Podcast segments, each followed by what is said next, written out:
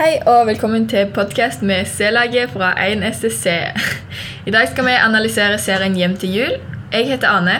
Jeg heter Oda. Og jeg heter Ola. Den første sesongen av den norske romantiske TV-serien Hjem til jul ble lagd i 2019. Det er selskapet The Oslo Company som står bak produksjonen, og serien er skapt av Per Olav Sørensen. Eh, Hjem til jul kan ses på Netflix, og i serien så følger vi hovedrollen Johanne. Hun er en 30 år gammel singel sykepleier som i serien leter etter kjærligheten i førjulstiden. Hva går sjangeren norsk romantisk komedie ut på? Um, som i serien så ser vi jo at uh, romant romantikken eh, handler jo om at hun skal få seg kjæreste før uh, jul, julaften. Og så bla blander de litt sånn komedie inni mellom der. Som f.eks. på de datene, på de småklippene.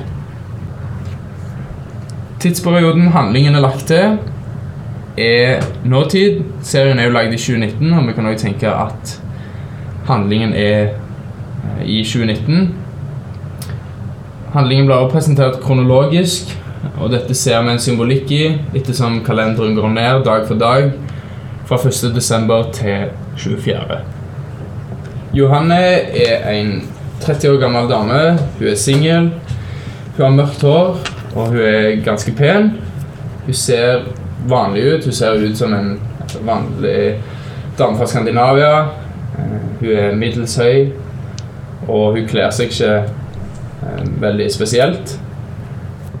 Johanne er en snill, omtenksom eh, dame som er flink med mennesker. Og hun er smart og ganske kjærlig. Og på jobben så blir hun godt likt av pasientene og kollegaene. Og det blir hun òg av familien sin. En av de viktigste bipersonene vi møter i serien, er bestevennen og eh, samboeren til Johanne, nemlig Jørgen. Eh, Jørgen er rødhåra høy, eh, og mange vil kanskje si at hun har en litt hippieaktig stil. Hun kler seg kult og er ikke redd eh, for hva folk mener om henne. Eh, men Jørgen kan kanskje være litt ensom, eh, har litt spesielle hobbyer. Men hun er veldig kjærlig og har en sterk personlighet. Eh, ja. Hva tenker dere om eh, forholdet til Johanne og Jørgen?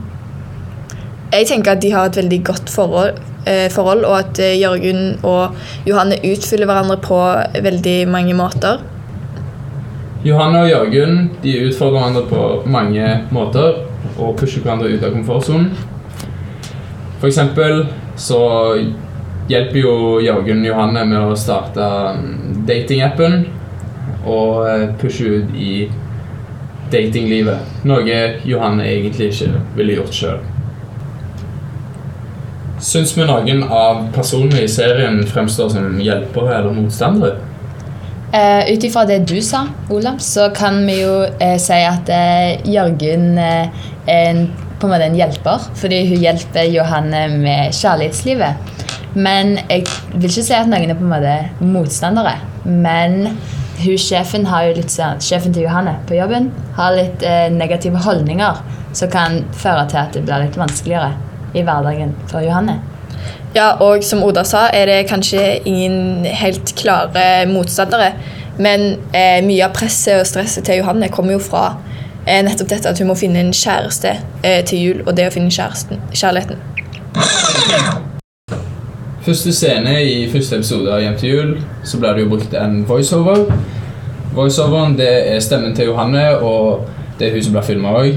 Eh, kameraet fokuserer på Johanne ved middagsbordet, og kameraet zoomer gradvis ut, selv om det fortsetter å holde fokuset på eh, fjeset til Johanne, der hun sitter med barna, og vi kan se eh, stemningen rundt bordet eh, og se at Johanne slett ikke trives med å sitte med ungene. Og eh, så blir vi òg introdusert litt for hvem hun er eh, med denne voiceoveren. Og vi forstår med en gang at dette er hovedpersonen. Eh, På denne julemiddagen, eh, første søndag i advent, så har Johanne blitt sittet på enden med barna. Og det er fordi foreldrene sier at hun er så flink med barn, men Johanne er ganske sikker på at det er fordi hun ikke har fått seg eh, kjæreste og familie. Og det er da eh, spenningen eh, begynner, fordi hun sier at hun har fått seg kjæreste, eh, noe som er løgn. Ja, og når Johanne sier dette, så blir foreldrene og familien veldig glad, og alt fokuset går på hun. Familien får veldig høye forventninger, og dette gjør jo Johanne veldig bekymra. Hvis vi tenker på kamerateknikken, hvordan er denne utført? Kamerateknikken den er jo først og fremst veldig fokusert rundt Johanne, som er hovedperson. Og det kan vi jo se spesielt godt på datene hun er på. Vi får se ansiktsuttrykk og hvordan hun reagerer på hva alle disse spesielle karakterene som hun er på date med, sier og gjør. Eh, Selve dramaturgien og klipperytmen er komponert sånn at eh, symboler, farger og musikk går sammen med hverandre, og det skaper en fin flyt i serien. Serien avsluttes med en cliffhanger, altså en åpen slutt, der seerne ofte sitter igjen med mange ubesvarte spørsmål. Dette gjør at vi får lyst til å finne ut mer, og at flere i større grad vil følge Johanne videre i sesong to. Er cliffhangeren i slutten det eneste ubesvarte spørsmålet i serien? Jeg ville jo sagt at det er det største ubesvarte spørsmålet. Men vi har jo òg moren og faren til Johanne, som vi ikke får vite hvordan det kommer til å gå med. De sitter jo sammen og er glad rundt familiebordet, men vi vet jo at de har problemer i ekteskapet. Når det kommer til budskap, ønsker vi å trekke fram en viktig ting som en av pasientene til Johanne fortalte hun. Hun sa at det å være singel handler ikke om å være alene, men det handler om å ha friheten til å gjøre hva du vil. Dette er jo et budskap som sikkert treffer veldig mange. Det er jo veldig mange som føler at de er ensomme og alene. Men det å være alene det betyr jo ikke at man er ensom, eller trenger å være ensom. Og det er jo dette Trine Nergård prøver å få sagt til Johanne. Eh, Selv om kjærlighet og romantikk ikke er eh, Johannes sin sterkeste side, så er dette hovedtemaet i serien. Dette går òg igjen i symbolene i serien, bl.a. fordi mye av fargene som er brukt, er rødt, som er først og fremst et symbol på jul, men òg kjærligheten. Og når Johanne lagde en stor kjærlighetstårte til Jonas. Men når ting går skeis med Jonas, så ser vi jo at hun tar en kniv i hjertekaken. Og dette symboliserer jo en kniv i hjertet, eller et knust hjerte. Hvilke tanker setter vi igjen med da etter å ha sett serien? Serien var ganske bra, og jeg er ganske spent på å se hva som skjer etter den cliffhangeren. Ja, jeg òg syns serien var veldig bra, og jeg syns at den hadde en eh, viktig melding, spesielt til da single eh, i juletiden, om at det går fint å være alene, og at du kan ha et fint liv. Du Ola, sa du aldri hadde tenkt på å se denne serien hjemme, men du syns den var bra? Gjorde du ikke? Jo, jeg syns serien var veldig bra. Jeg syns den var morsom, og at jeg likte hvordan tematikken kjærlighet gikk sammen med jul. Og jeg gleder meg til å se sesong to, som kom i dag.